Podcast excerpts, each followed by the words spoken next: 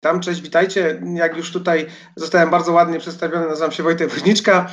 Um, słuchajcie, głównie zajmuję się w tym momencie już e, tak naprawdę kontemplacją mojej emerytury biznesowej, która oczywiście nigdy nie jest tą emeryturą. Bardziej chodzi mi o właśnie zamiłowanie do dochodów pasywnych, no i głównie inwestowania w nieruchomości.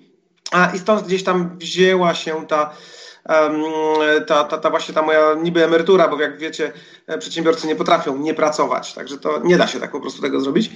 Natomiast jakby zaczynałem w, w negocjacjach i sprzedaży i to gdzieś tam zawsze był ten konik. Przez długi okres czasu negocjowałem trochę w ukryciu dla na zlecenie dla osób, które kupowały nieruchomości, głównie mieszkania, czyli jakby głównie ten rynek mieszkaniowy. Um, takie negocjowanie na zlecenie wygląda w ten sposób, że um, po prostu ktoś sobie was um, zatrudnia i są takie dwa główne modele. Jeden model jest taki, że albo negocjujecie najpierw e, jako osoba, która chce coś kupić, a później, a później po prostu odpuszczacie tą transakcję i ktoś wchodzi w wasze, wasze negocjacje. Albo druga opcja jest taka, którą ja zawsze preferowałem, czyli e, od razu negocjujemy jako na przykład, nie wiem, byłem bratem, kuzynem, kimś tam z rodziny i tak dalej, który pomagał po prostu zakupić dobrze nieruchomość. No i gdzieś tam przez jakiś czas to negocjowanie mi na tyle weszło w krew, że poznałem też coraz więcej inwestorów. Ten, ten taki nurt inwestowania w nieruchomości w Polsce się mocno zaczął e, rozwijać w pewnym momencie. E, no i się okazało, że nie ma sensu dawać ludziom ryby, lepiej dać im wędkę. No i po pewnym czasie, zresztą ja też, moja mama jest nauczycielką w ogóle z emerytowaną, uczyła polskiego i, i zawsze gdzieś lubiłem e, pracować z ludźmi, no i troszeczkę później przyszła, przyszła taka refleksja, że zmieniamy, e, idziemy na emeryturę negocjacyjną i zaczynamy pracować z ludźmi. Warsztaty, które prowadziłem, były również warsztatami online, natomiast nawet na warsztatach online da się zrobić na przykład gry negocjacyjne, da się zrobić e, jakieś zajęcia, za pomocą których czegoś ludzie mogą doświadczyć, czy jakieś eksperymenty, jakieś, jakieś ćwiczenia zespołowe, indywidualne itd. Tak Dzisiaj tak naprawdę zrobię taką krótką um, krótkie wprowadzenie do tego tematu. Zrobię krótką taką pogadankę na temat takich trzech najważniejszych filarów, które w mojej ocenie są najbardziej istotne, jeżeli mówimy w ogóle o negocjowaniu w biznesie. Jeżeli mówimy o negocjowaniu nie tylko przy zakupie nieruchomości czy, czy, czy innych, czy ruchomości, ale ogólnie jako negocjacje w biznesie, bo tak naprawdę ta struktura procesu negocjacyjnego, ona wiele się nie różni. Te negocjacje z reguły składają się z przygotowania mentalnego, z przygotowania operacyjnego, z um, jakiejś tam budowania relacji, jakiejś rozmowy, jakiegoś wstępu do negocjacji, z samego już powiedzmy targowania się, no i z wszystkiego, co się później pojawi, czyli albo wychodzenie z impasu, albo jakieś trudne sytuacje, albo um, taktyki ustępstw, albo może rozmowa e, gdzieś o innych aspektach niż główny przedmiot negocjacji i do, domykanie tej transakcji. Także, także proces generalnie wszędzie jest bardzo podobny. Oczywiście on się różni treścią, czyli tym, y, kto co negocjuje, jaki jest przedmiot negocjacji, jakie ewentualnie aspekty są, powinny bardziej wybrzmieć, jakie powinny mniej wybrzmieć. E, natomiast, tak jak mówię, proces jest podobny. Ja Wam pewien zarys tego procesu tego chcę przedstawić, szczególnie z uwzględnieniem takiej rzeczy, od której wszystko się zaczyna, czyli właśnie od tej, od tej głowy, czyli od tego mentalnego przygotowania do negocjacji. Bo ja też e, sporo ludzi obserwowałem w trakcie negocjacji, czy to osób, które gdzieś tam u mnie były po kursach, czy osób, które poprosiły mnie o pomoc, o, o obserwację taką. No i powiem Wam, że tak gdzieś to przygotowanie mentalne jest jednym z najważniejszych elementów. A drugi element to jest oczywiście przygotowanie operacyjne, czyli e, sporo z nas chodzi na negocjacje na zasadzie, no dobra, mam jakieś tam doświadczenie, coś tam wiem, coś tam umiem, e, przecież już handlowałem w życiu nie raz, e, no to jakoś to będzie. No i często zapominamy o pewnych elementach, które się przydają w negocjacjach, e, jeśli mówimy o przygotowaniu. E, dosłownie kilka słów na ten temat również powiem. I na koniec chciałbym Wam takich kilka takich tipsów i trików podrzucić, um, które mogą pomóc mogą pomóc, czasem nawet jedno zdanie może pomóc zarobić trochę pieniędzy w życiu. Szczególnie jeżeli negocjujecie mm, w biznesie, czyli duże, duże kontrakty e, wartości kilkuset może e, tysięcy, może nawet jeszcze większe, albo kiedy kupujecie bądź sprzedajecie nieruchomości, gdzie też te pieniądze są no, dość duże, prawda? I teraz jeżeli byśmy się mieli właśnie skupić na tym, co chcę przedstawić, to zacznę od e, głowy, no bo wiadomo, że od głowy trzeba zacząć jako to w ogóle wejście w temat, to przygotowanie mentalne. Później właśnie kilka słów na temat przygotowania operacyjnego i to też trochę połączę z tym pierwszym punktem. E, no i później właśnie te tipsy i triki, czyli co robić, czego lepiej nie robić. Mamy godzinkę czasu, już niecałą, więc myślę, że spokojnie, spokojnie te najważniejsze elementy tam będą, e, wybrzmią odpowiednio. I na koniec mamy model podsumowania i myślę, że zostawimy sobie, nie wiem, 5-7 minut na to, żebyśmy mogli sobie e, ewentualnie odpowiedzieć na jakieś pytania, które by się mogły pojawić do mnie, jeśli byście chcieli mi coś zapytać. Dobra, słuchajcie, więc tak, e, jeżeli w ogóle mówimy o przygotowaniu do negocjacji mentalnym, jeżeli w ogóle mówimy o, mm, e, o tym, co głowa nam może zrobić w trakcie negocjacji, to trzeba sobie na początku zadać najważniejsze pytanie.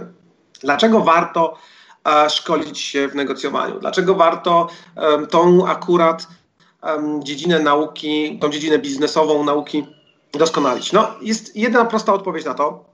Opowiedział w ten sposób w latach 90. Roger Dawson, jeden z takich powiedzmy największych na świecie guru od negocjacji, mm, że nigdy nie zarobimy pieniędzy tak szybko jak podczas udanych negocjacji. I oczywiście ja tutaj często przedstawiam taki przykład mojego kolegi. On teraz jest trochę mniej trafiony, ponieważ Akurat ten kolega, o którym mówię, to jego głównym e, przedmiotem prowadzenia działalności jest najem krótkoterminowy.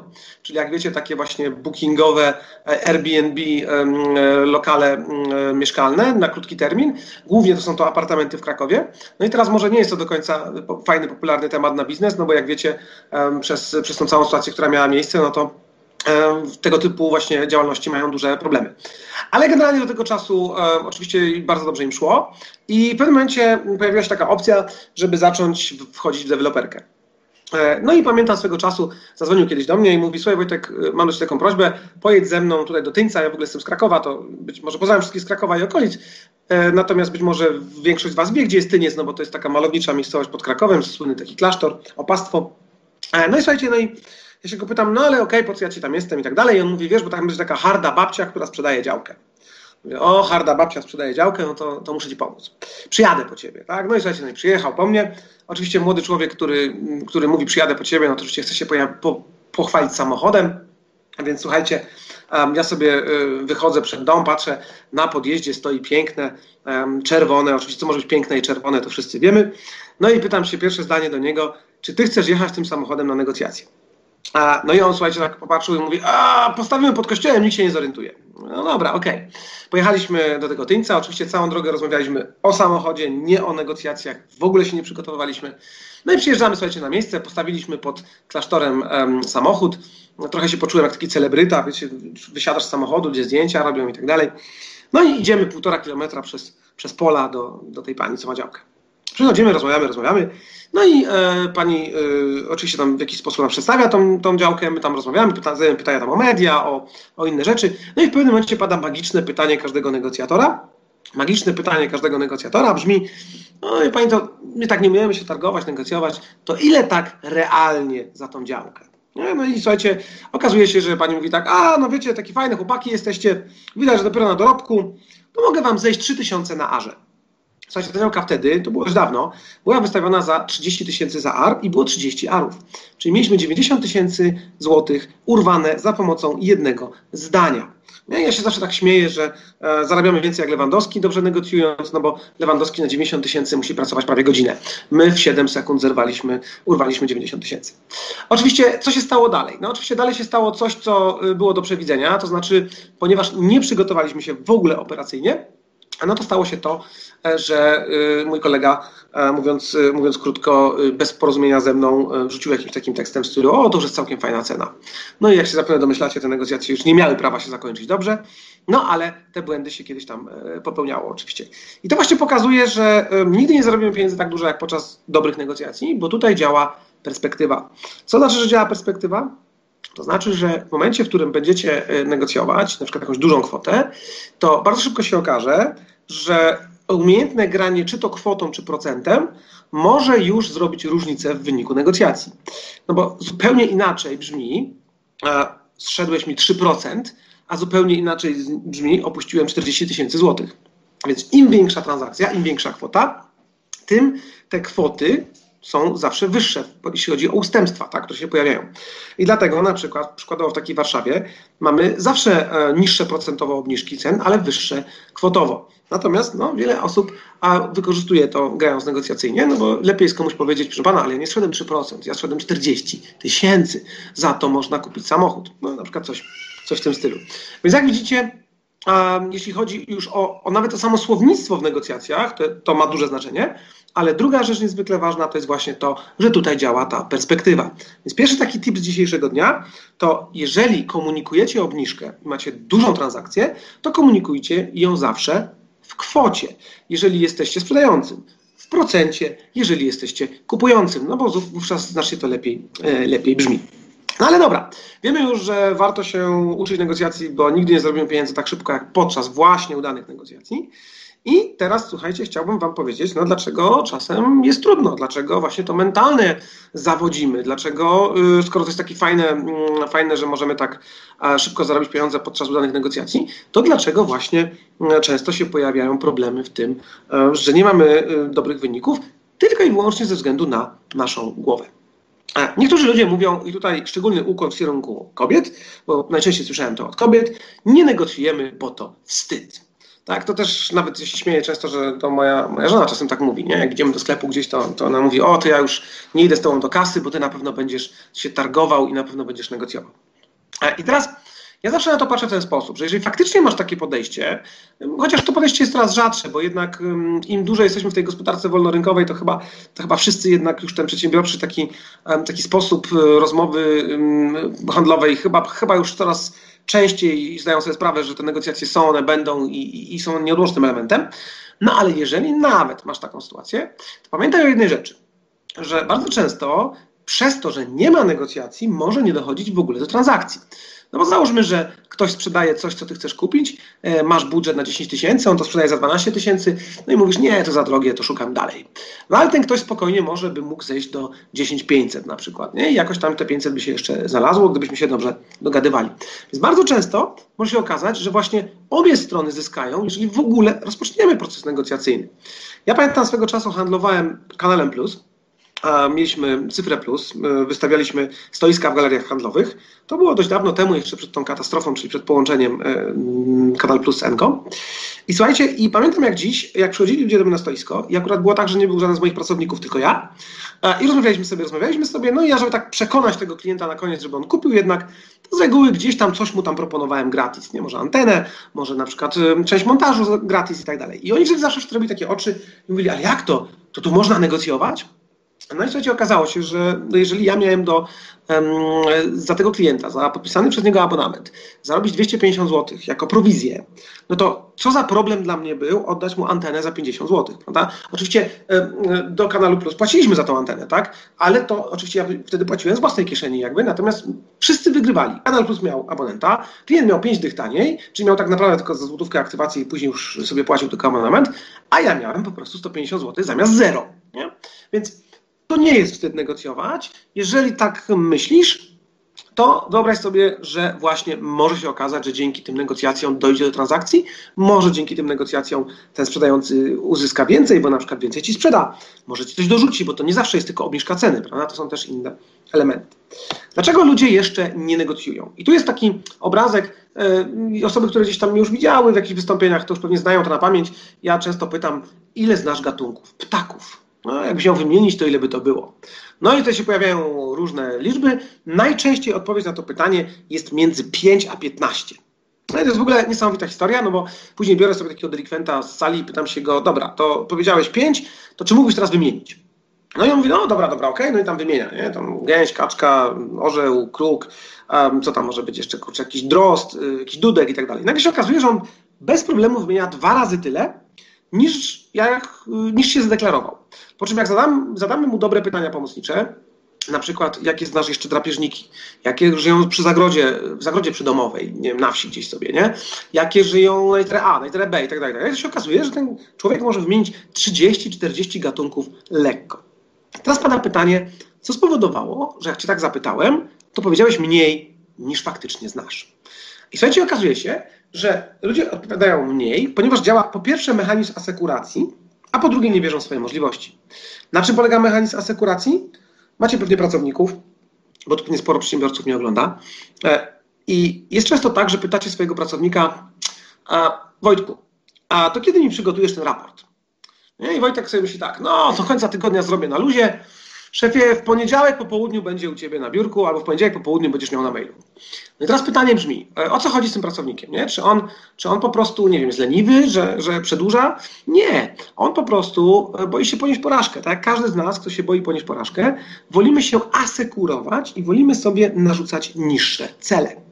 A tymczasem, jak pokazały kiedyś moje ogromne badania, słuchajcie, ja przebadałem ponad 1500 osób statystycznie, dając im jedno pytanie.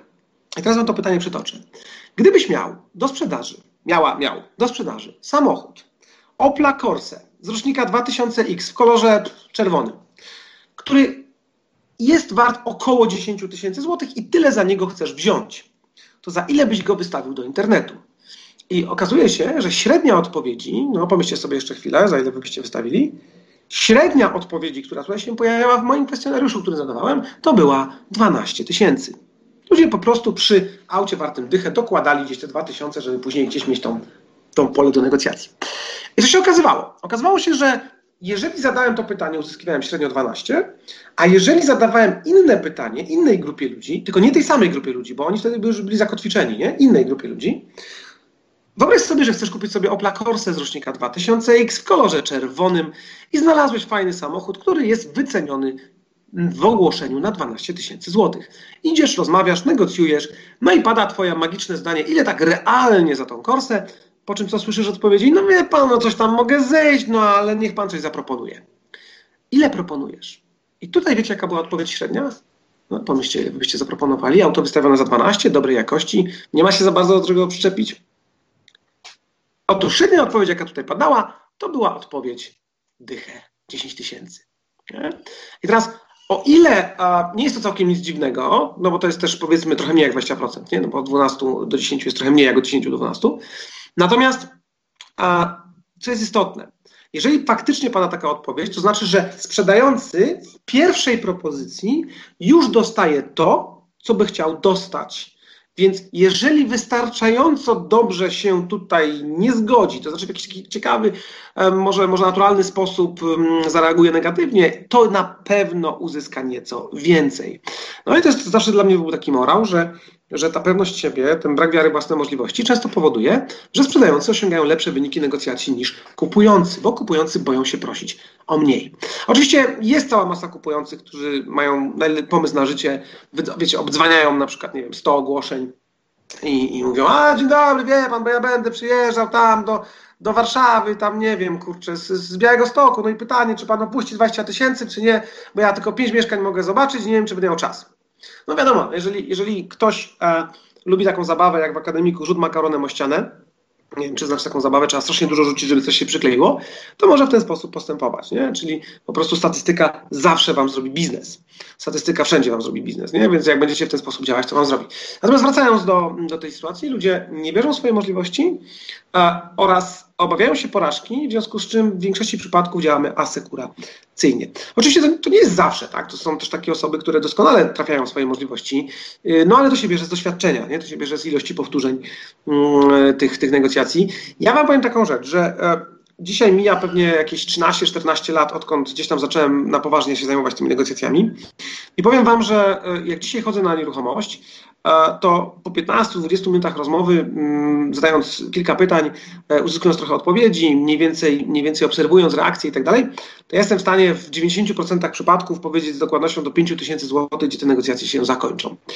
Ale ciągle jest te 10% przypadków, w których dzieją się rzeczy tak kompletnie nieracjonalne albo zaskakujące, że nie jestem w stanie e, ich zrozumieć. Nie? Na przykład, no wiecie, no pojawia się, nie wiem, ktoś, jakiś kuzyn z, z Australii nagle z kasą, no i przebija cię i w ogóle płaci więcej. No, nie co zrobisz? No, nie dość, że kuzyn, to jeszcze płaci więcej. Nic nie zrobisz. Także też musimy sobie zdać sprawę, że no nigdy nie będzie tak, że wygramy wszystkie negocjacje, a że negocjacje to nie fizyka czy chemia, gdzie, gdzie jest, wzory są jakieś na przykład chemiczne i one działają zawsze tak samo, tylko to jest po prostu przewidywanie z jak największym prawdopodobieństwem zachowania drugiej strony. Więc można powiedzieć, że negocjacje to trochę taka nauka rachunku prawdopodobieństwa. Ale wróćmy do mentalnej strony i tego, dlaczego ludzie mają problem z negocjowaniem. Nie wierzą w swoje możliwości, ale co jeszcze? Głos wewnętrzny, który mają ich demotywuje, a nie wspiera. Jest taka książka Tenis gra wewnętrzna Timothy Gallowaya. Polecam ją sobie przeczytać w wolnej chwili. To jest te, książka, w której Timothy Galloway opowiada o tym, że pierwsza dziesiątka rankingu WTA, czyli tenisa kobiet, mają dziewczyny wszystkie identyczne umiejętności gry w tenisa. Jedyne, co je różni, to przygotowanie mentalne. A, tak naprawdę chodzi tutaj o głos wewnętrzny. Czyli co mówi twój głos wewnętrzny w momencie, kiedy ty bierzesz udział w meczu tenisa? Co mówi twój głos wewnętrzny w momencie, kiedy ty negocjujesz? Co mówi twój głos wewnętrzny w momencie, kiedy masz wziąć za sławkę i zadzwonić swojego klienta? Czy to jest głos, który ci mówi, nie no, teraz to już na pewno się nie zgodzi? Czy to jest głos, który ci mówi, nie, lepiej nie próbuj, bo jeszcze stracisz i to jest w ogóle bez sensu? Czy to jest wręcz głos, który ci mówi, słuchaj, dobra, to spróbujmy, zobaczmy, zobaczmy, co się wydarzy? Albo, czy to jest głos wewnętrzny, który ci mówi, nie myśl o przeciwniku, myśl tylko o grze. Skup się tylko na grze. Jakieś pamiętam, zawsze przegrywałem z takim kolegą w skłosza. Cienko mi szło, zresztą on, był, on miał dużo więcej doświadczenia w tym skłoszu. Dłużej grał, był szybszy, był bardziej, wiecie, techniczny, nie? I e, okazało się, że wykupiłem sobie lekcję y, u trenera tenisa, y, skłosza. I ten trener mi powiedział właśnie tak, skup się tylko na grze, skup się na akcji, skup się na piłce, skup się na tym, czy piłka się odbije, żeby ją e, odbić od ziemi na przykład, czy się odbije, żeby ją odbić, czy będziesz ją bezpośrednio z powietrza uderzał, czy ma się odbić od ściany, czy masz zrobić dwa kroki, czy jeden krok, czy na lewej nodze, czy na prawej i tak dalej, i tak dalej. I słuchajcie, i jak przestałem myśleć o przeciwniku, zacząłem grać coraz lepiej. Niestety mój kolega sobie kupił lekcję u tego samego trenera, E, no i dowiedział się, co mi tamten powiedział. No i od tej pory, jak graliśmy, to on mówił: O, dobry jesteś, nigdy ze mną tak nie wygrywałeś, coraz lepiej ci idzie. No i oczywiście mnie rozpraszał i oczywiście zaczynałem przegrywać. Nie? Więc ten głos wewnętrzny jest niezwykle ważny.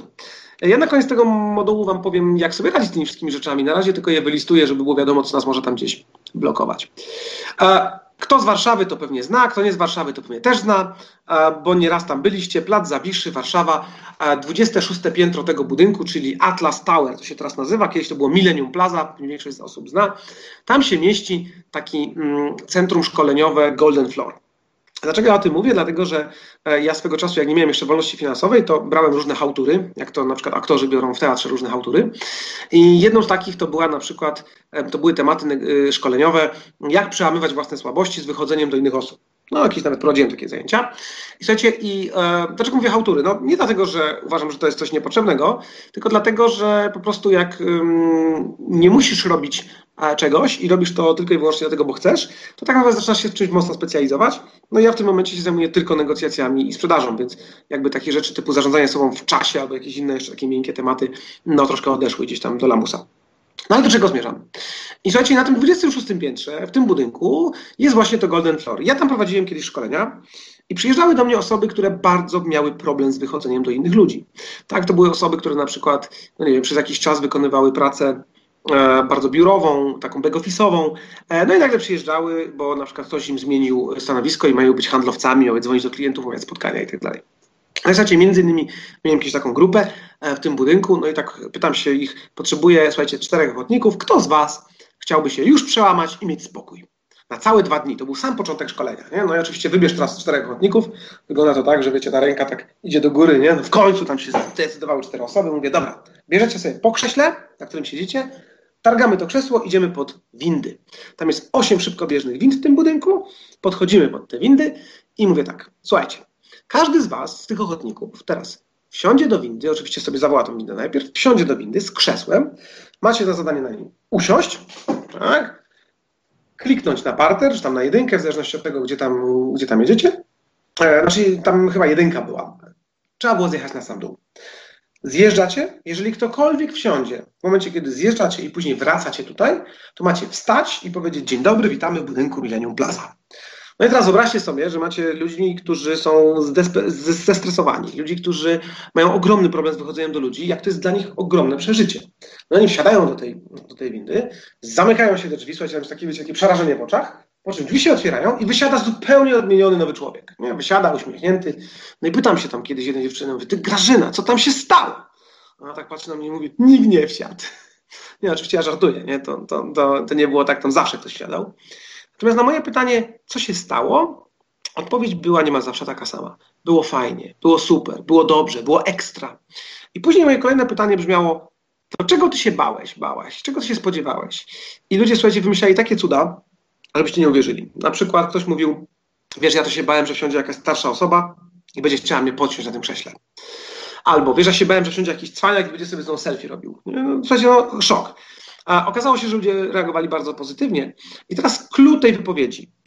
W którym momencie przestałeś się denerwować, stresować, tym, co się ma wydarzyć? Nie? I odpowiedź jest zawsze taka sama.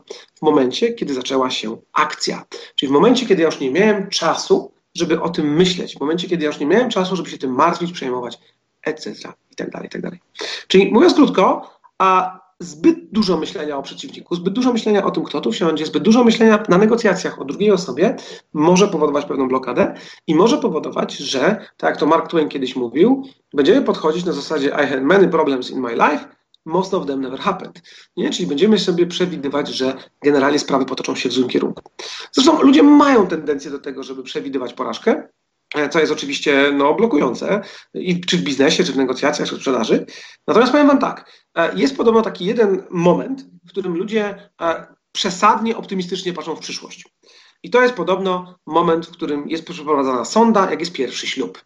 Nie? Podchodzą do takich nowożeńców jeszcze przed ślubem i pytają, czy to przetrwa? Tam moment jest 99,9% odpowiedzi twierdzących. Oczywiście jak to jest czwarty ślub, czyjś, no to już odpowiedzi są wymijające. No wie pan, różnie to bywa w życiu i tak dalej, nie? Natomiast generalnie jednak oczywiście to mówię w formie żartu. Większość osób właśnie ma takie podejście I had many problems in my life, most of them never happened. I to jest o tyle, o tyle jest ok, że można sobie mm, ewentualnie przygotować zabezpieczenie siebie na, na poszczególnych etapach, ale o tyle jest nie ok, że właśnie mówimy niższą kwotę albo wyższą jak kupujemy, e, nie bronimy swojej ceny, nie potrafimy obronić e, w trakcie negocjacji tego, co chcemy przedstawić. Dlaczego? Dlatego, że po prostu boimy się porażki. Nie? I to się często sprawia, też blokuje nasz, nasze negocjacje. I teraz moje ulubione zdjęcie. No ja bym chciał Was zapytać, ale, ale nie jestem w stanie Was zapytać, bo Was nie widzę. E, z jakiego kraju są ci panowie? Zastanówcie się chwilę. Mhm, mamy tutaj kilka charakterystycznych elementów garderoby. E, mamy karnację charakterystyczną. I teraz nie wiem, co sobie pomyśleliście, ale ja najczęściej słyszę odpowiedź tak. A. Z Rosji. B. Rumunia, Bułgaria, Meksyk. Nie? I teraz skąd to się wzięło? No, Rosja prawdopodobnie zamiłowanie do złota, nie? to jest taki gdzieś stereotyp, który panuje, e, a drugie to karnacja, nie? no bo ta karnacja jednak jest taka bardziej, bym powiedział, meksykańsko-romska. Nie? No i teraz mm, oczywiście tych dwóch niższych z tyłu, to jak widzicie, to są bracia bliźniacy, bo to widać, a ten po prawej, ten największy jest ich też bratem. Nie? Wiecie skąd wiem? Bo zobaczcie, jaką mają identyczną budowę klatki piersiowej, nie? no to na pewno DNA jest bardzo podobne. Oczywiście to mówię w formie żartu. Dlaczego wam to pokazuję? Dlatego wam to pokazuję, bo tutaj na tym obrazku jest jeden z najczęściej popełnianych błędów um, przez ludzi, którzy negocjują. Mianowicie tym błędem jest a, takie postępowanie w myśl z meta zasady wyzwalacza, o której kiedyś pisał Cialdini, czyli a, mam jakieś doświadczenie, nawet czasem jedno, ekstremalnie, i na podstawie tego doświadczenia prognozuję podobne sytuacje w przyszłości. Nie?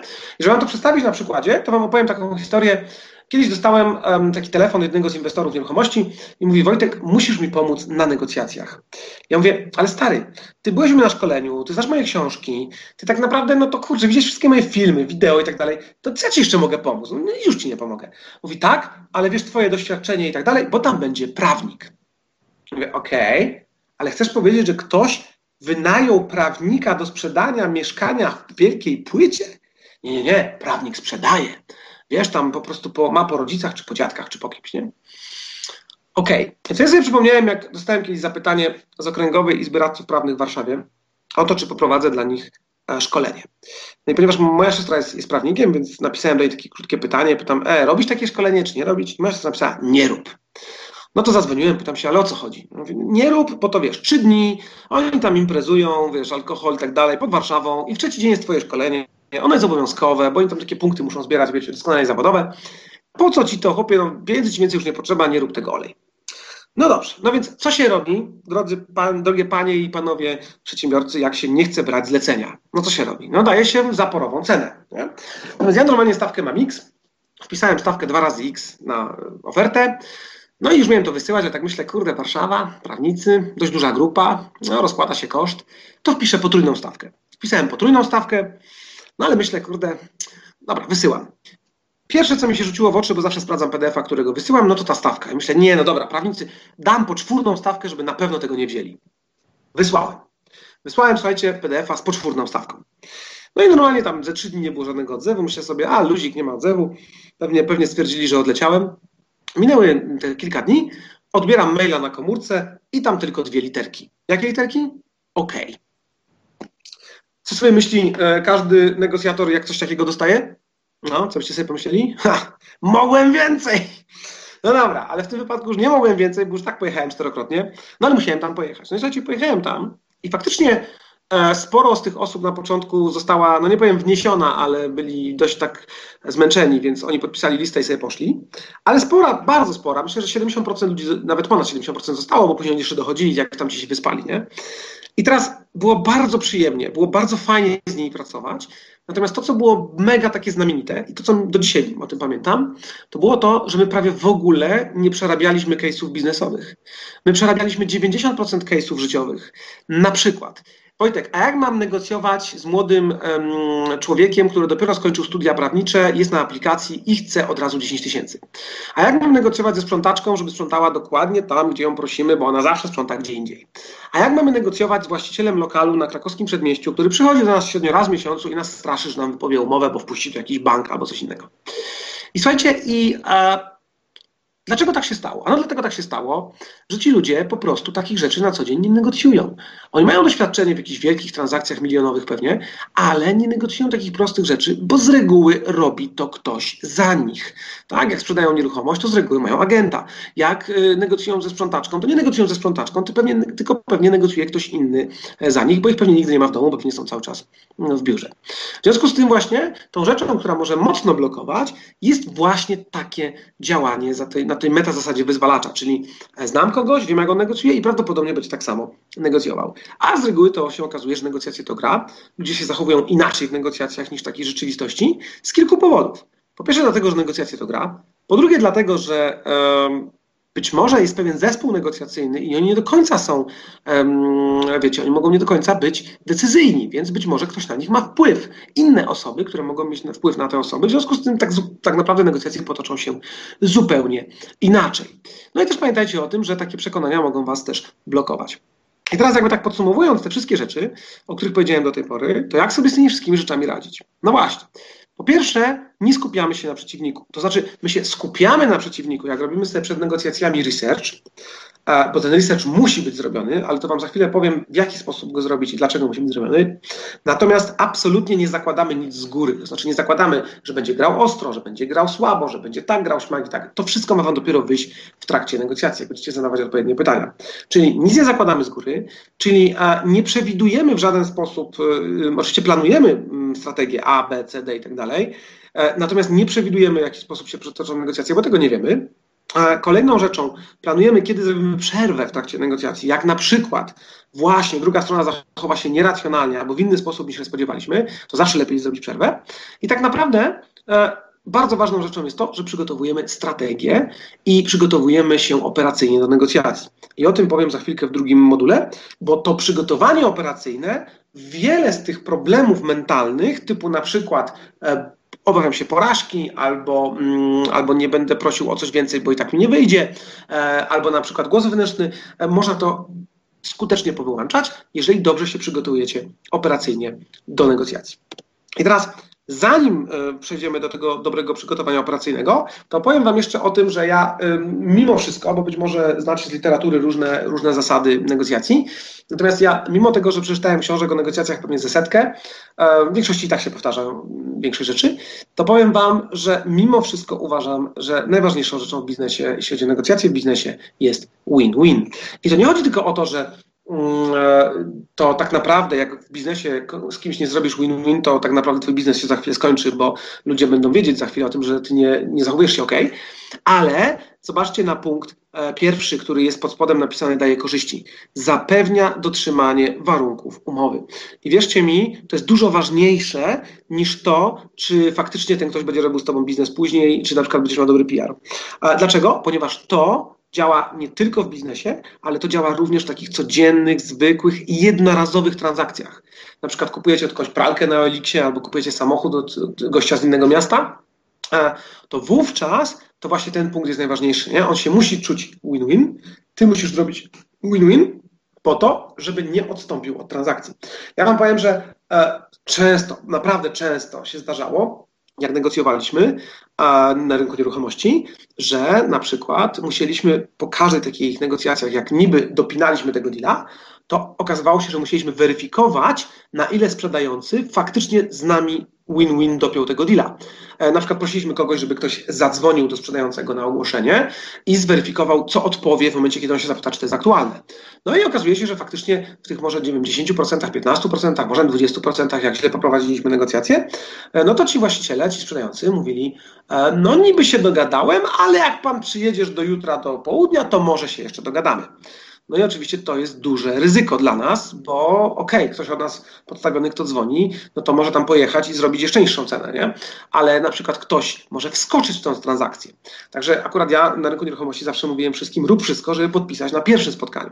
No ale nie zawsze jest to możliwe, tak? Bo też nie chcemy temu sprzedającemu pokazać, że tak bardzo nam zależy, tak? No bo to też jest inna, inna bajka. Ale wróćmy jeszcze do win-win. I teraz, dlaczego ciężko jest zrobić win-win? Ano dlatego, że nie zawsze da się wszystko podzielić porówno. Nie zawsze da się zrobić tak, że spotykamy się po środku. Nie zawsze da się podzielić w taki sposób, żeby obie strony czuły, że dostały dokładnie, dokładnie to samo. I tutaj namawiam Was do jednej bardzo ważnej rzeczy. Wymyśliłem jakieś takie pojęcie, które się nazywa klauzula nadzwyczajności. To jest jeden z elementów już przygotowania operacyjnego. Co to jest ta klauzula nadzwyczajności? usiądźcie sobie przed każdymi negocjacjami i wypiszcie sobie w punktach, co jest, najpierw sobie wypiszcie, co jest waszym głównym celem do negocjacji. Tak, z reguły to pewnie będzie cena usługi, produktu itd., tak itd. Tak Ale zwróćcie też uwagę na wszystkie inne aspekty, które jeśli wam zagrają tak, jak wy chcecie, żeby zagrały, to, to co? To możecie delikatnie w tym głównym aspekcie sobie odpuścić. Powiem wam, dlaczego to jest takie ważne. Dzwonią do mnie czasem ludzie po moim treningu, znaczy miałem takie dwa, trzy telefony i mówią tak, wiesz co Wojtek, przegiąłem z negocjacjami. Za ostro negocjowałem i straciłem transakcję. Na przykład ktoś zadzwonił i mówi, no wiesz co, nie dogadałem się o 8 tysięcy ze sprzedającym mieszkanie. I mówię, okej, okay, a jaki tam miałbyś cashflow, jakbyś to wynajmował? No i ten ktoś mówi, no wiesz, 2000 miesięcznie bym zarabiał ponad kredyt. Okej, okay, a ile już szukasz mieszkania? Półtora roku. Mhm. Czyli 18 miesięcy razy 2000, jesteś plecy 36 tysięcy plus procent składany, pewnie jakieś 37-38 tysięcy. Natomiast nie dogadałeś się 8 tysięcy. Dlaczego? Bo zbytnio się skupiłeś na przedmiocie negocjacji. Więc zawsze w punktach przed każdymi negocjacjami właśnie taka klauzula nadzwyczajności, czyli wypisane w punktach te sytuacje, w których nie będziecie za ostro negocjować. Dlaczego? No właśnie dlatego, żebyście nie stracili dobrej transakcji. Oczywiście, oczywiście po drugiej stronie jest BATNA. Co to jest BATNA? BATNA to jest Best Alternative to Negotiated Agreement, czyli najlepsza alternatywa na wypadek, gdyby negocjacje zakończyły się fiaskiem. Co to znaczy? To znaczy, że jeżeli z jednej strony negocjujecie mając klauzulę nadzwyczajności, czyli nie negocjujecie za mocno, to z drugiej strony negocjujecie mając BATNę, czyli nie negocjujecie za słabo. BATNA to jest coś, co Was chroni, bo uwaga, popatrzcie, tutaj leży taka granica, która się nazywa umrę jak nie kupię.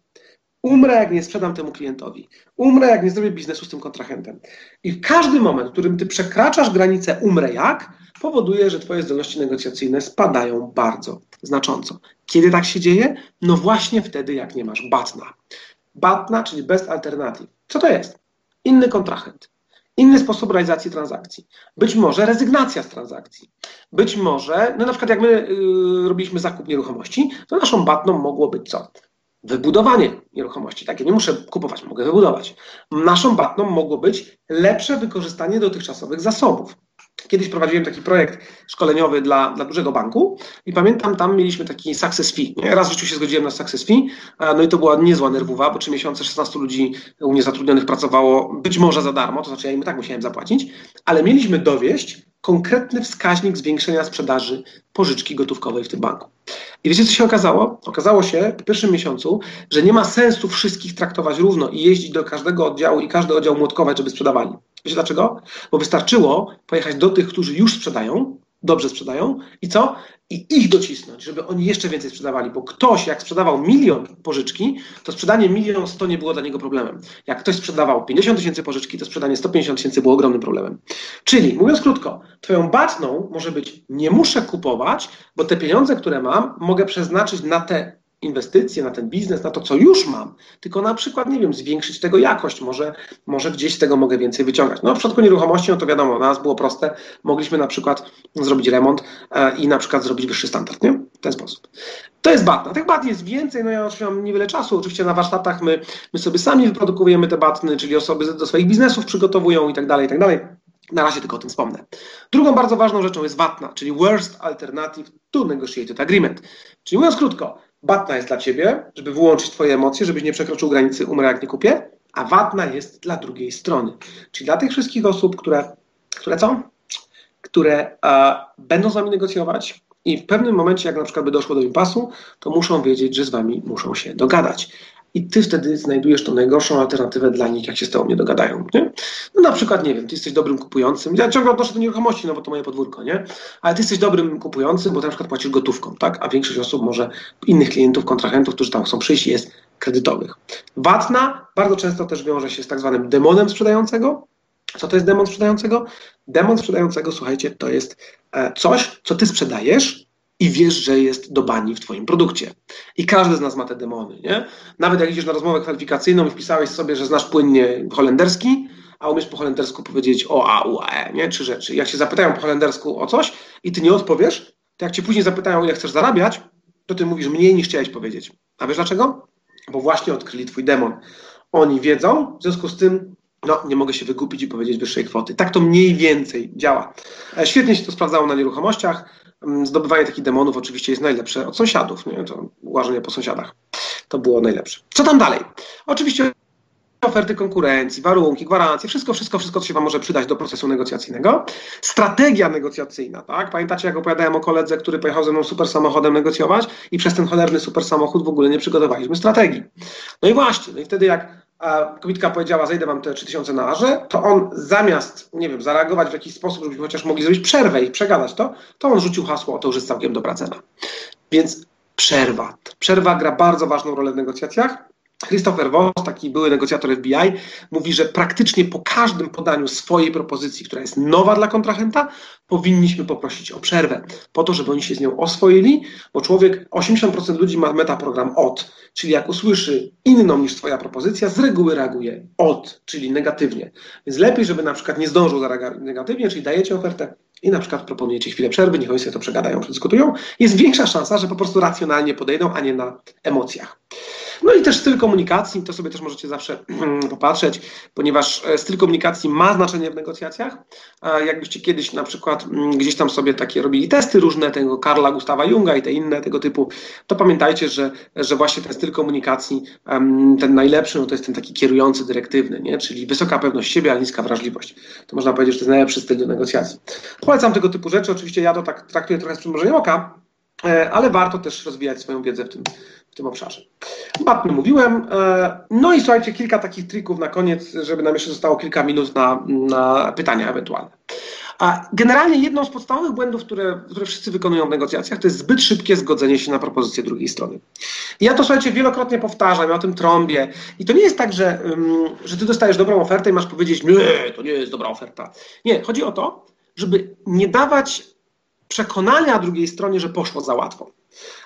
Ja bardzo często przy wszystkich podcastach, jak mnie znacie może z podcastu z, z Michałem Szafrańskim, z tego Jak oszczędzać pieniądze, bloga, to tam pamiętacie pewnie, kto mnie zna, to, to mnie zna, kto nie, to ja też teraz powiem. Opowiadałem taki case o koledze, który jest programistą Java i negocjował sobie wynagrodzenie. E, słuchajcie, i on tam, e, ja to skrócę dość mocno, generalnie chodziło o to, że go zapytali, ile chce zarabiać. E, on chciał powiedzieć, chciał zarabiać 20% więcej niż zarabia w obecnej robocie. Ja go nakłaniałem, żeby powiedział 50% więcej, on powiedział 30% więcej i oni mu się od razu zgodzili. I wiecie, co było najgorsze? Że on dostał 10% więcej niż chciał dostać, a mimo to czuł się, że przegrał negocjacje. Dlaczego? Bo się od razu zgodzili. I bardzo często to jest tak, że nie ma tego win-win tylko dlatego, że się za szybko zgodziłeś. Pamiętajcie, że negocjacje w dużej mierze to jest kwestia perspektywy.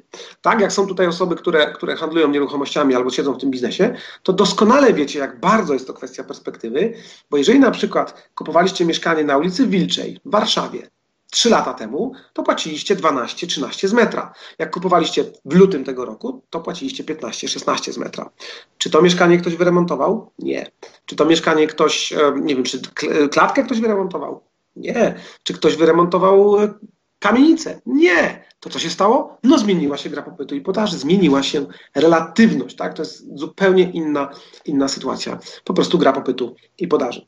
E, nie zgadzajmy się, bo druga strona może mieć poczucie, mogłem zrobić lepszy biznes, to co ja miałem z prawnikami na przykład, albo może mieć poczucie, coś tu jest nie tak.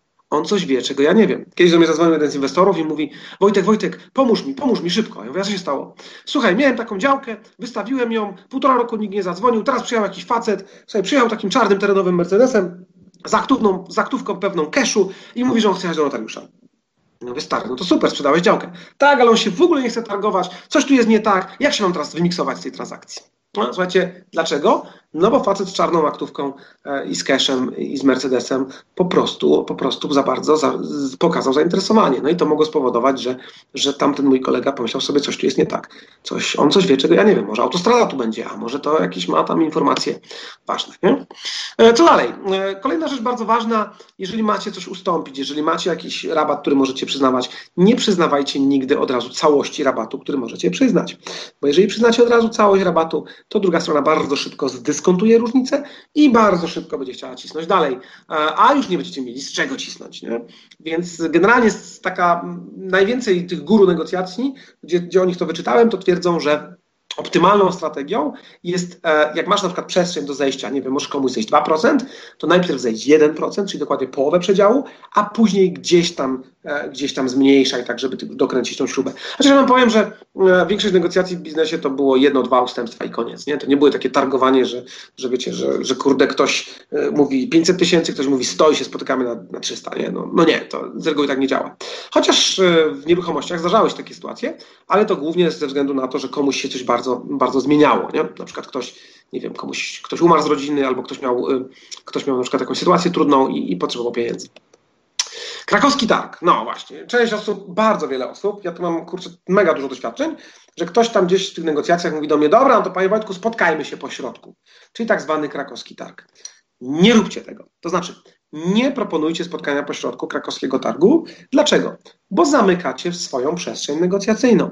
Tak, wyobraźmy sobie, że mamy tą korsę, ktoś mówi 12, ktoś mówi 10 i ty mówisz, dobra, spotkajmy się pośrodku 11. I właśnie zamknąłeś cały przedział między 10 a 11, jeśli kupujesz. Nie? Negocjacje toczą się między 11 a 12. W najlepszym wypadku dostaniesz to, co zaproponowałeś, a w najgorszym albo nie dojdzie do transakcji, albo zapłacisz więcej. Ale gdyby to druga strona zaproponowała, spotkajmy się pośrodku, to w najlepszym wypadku dostaniesz coś więcej, a w najgorszym dostaniesz to, co byś zaproponował, gdybyś co? Gdybyś to ty um, proponował, spotkajmy się pośrodku. Kiedy krakowski targ jest dobry? Krakowski targ jest dobry, jak domykacie negocjacje, jak ta przestrzeń jest już niewielka, jak zostało mało między wami różnicy, wtedy powiedzenie spotkajmy się pośrodku jest jak najbardziej, jak najbardziej ok, no bo tam już jest niewielka różnica i to pomaga domknąć domknąć Wam transakcję. Skubanie. Słuchajcie, na koniec dwie fajne techniki negocjacji. Technika skubania to jest technika, którą stosują sprzedawcy nowych samochodów, nie dilerzy samochodowi. Wiecie, jak to wygląda. Przychodzicie do nich, zresztą teraz jeszcze lepiej to stosują, bo teraz mają jeszcze narzędzie w postaci wynajmu.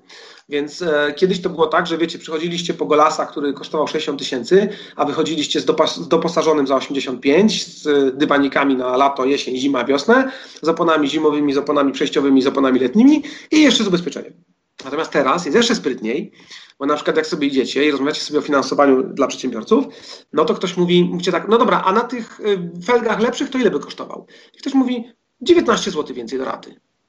A, 19 zł, to luzik to przecież mało, nie? A na tym radiu takim lepszym, no to 37 zł większa rata. A, no to luzik to biorę, nie? A szyberdachem, no to już 70 zł większa rata. A 70 zł to też ogarnę, nie? No i się okazuje, że tak naprawdę, co, dokładasz 200-300 zł miesięcznie, e, no ale okazuje się, że, że, że po prostu ktoś cię wyskubał. Na czym polega skubanie? Na tym, że jak duża decyzja zostanie zawarta, tak duży kontrakt, nie wiem, przybijecie deala na duży kontrakt, to dużo łatwiej jest dopychać małe rzeczy, bo ten stres psychologiczny związany z dopięciem dużej transakcji minął. I ten system tej drugiej strony, ja o systemie już wam teraz nie będę za, mieszał, ale każdy z nas jest takim systemem, który broni statusu quo. Więc jeżeli proponujesz coś innego niż ktoś miał na myśli, to ten system będzie tego bronił, dlatego trudno jest się czasem dogadać. Natomiast jak ten system się ostatecznie zgodzi na twoją propozycję, to łatwiej jest mu dopychać. Najprostszy case to jest kupowanie krawatu i garnituru. Jak kupujesz krawat, to łazisz, kombinujesz, szukasz, a może w paski, a może w prążki, a może taki, saki, owaki. W momencie, kiedy kupujesz garnitur, kupiłeś garnitur, przychodzi sympatyczna pani i mówi, oj, panie Wojtku, tu jeszcze ten krawacik bardzo pasuje. Pasuje, biorę. Dlaczego dużo łatwiej podejmiesz decyzję? Bo duża decyzja o garniturze zapadła i te małe dużo łatwiej jest dopchnąć. I słuchajcie, i, i, takie na koniec, no bo to też tak jak mówię, to jest taka mega pigułka tego, co robię, w 50 minut się mieszczę. Y, to jest moja ulubiona strategia negocjacyjna. I a, powiem wam dlaczego. Dlatego, że mm, rosyjski front to jest strategia, która bardzo mocno pozwala się dogadać, ułatwia dogadanie się. Na czym polega strategia rosyjskiego frontu? E, dawajcie wiele opcji dogadania się drugiej stronie. Czyli dwie, trzy, cztery opcje i najlepiej w taki sposób je korelujcie, żeby e, z trzech opcji wybrał tą, która oczywiście dla Was jest najbardziej korzystna, czyli trzeba wprowadzić odpowiednią asymetrię.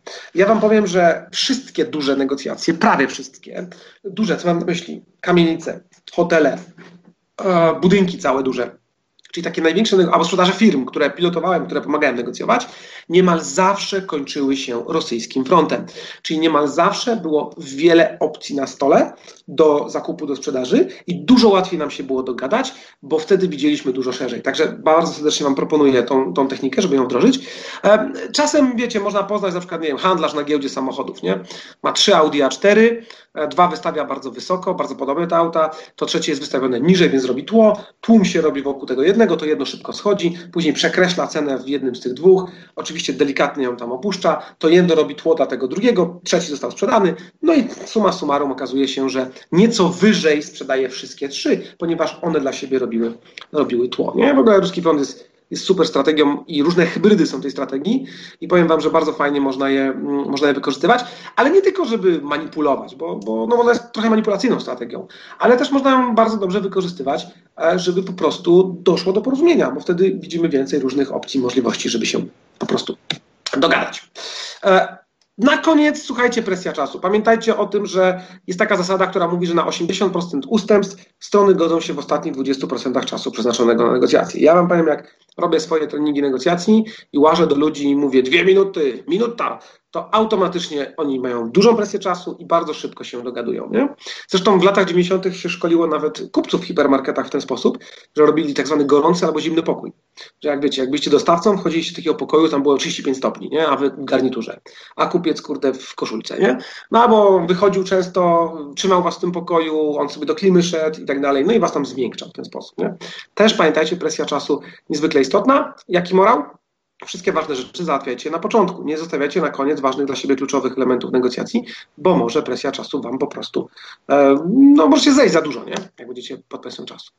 To już mówiłem, wykorzystaj perspektywę. Ludzie walczą o 100 zł przy remoncie, tak? Jak pracuję z fliperami, a później lekką ręką oddają 10 tysięcy złotych przy, przy sprzedaży. No i dlaczego? No bo właśnie jest perspektywa. Bo czym innym jest 100 zł do 1500, jak kupujesz materiały budowlane, a czym innym jest 10 tysięcy do 600 tysięcy wartości mieszkania. Ale to ciągle jest 10 tysięcy polskich złotych, za które przecież można kupić samochód, nie? A za stówkę już trochę mniej. Także, także pamiętajcie, operuj procentem, gdy kupujesz, operuj kwotą, gdy sprzedajesz.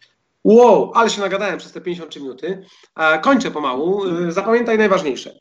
To jest taka naprawdę mega pigułka takich rzeczy. Mam nadzieję, że coś Was zainspiruje, że jakieś elementy z tego, co powiedziałem, Wam pomogą w Waszych negocjacjach codziennych. Pamiętajcie o czterech filarach dobrych negocjacji. Po pierwsze, doprowadzajcie do sytuacji, gdzie wszyscy mają poczucie z ustępstw, wszyscy są win-win. Czyli doprowadzajcie do sytuacji, gdzie wszyscy wygrywają i nawet poprzez niektóre techniki można to robić. Na przykład chociażby poprzez nie, nie zgadzanie się na pierwszą propozycję. Pamiętajcie, że pominięcie przygotowania przesądza o porażce. E, czyli to przygotowanie operacyjne jest niezbędne. VAT na, VAT na wasze klauzule nadzwyczajności, strategia, e, argumenty, dobre pytania, które musicie zadać. E, poświęcajcie na to dosłownie 5-10 minut. Poświęćcie chwilę czasu na research facebookowy. Zobaczcie, kim jest ten człowiek, co on lubi, gdzie się melduje, jakiemu klubowi kibicuje, na jakie koncerty chodzi i tak dalej, i tak dalej. Mm, takie rzeczy są też istotne do, do późniejszych negocjacji, bo one budują regułę lubienia rozpoczynajcie negocjacje zawsze od budowania pozytywnego klimatu.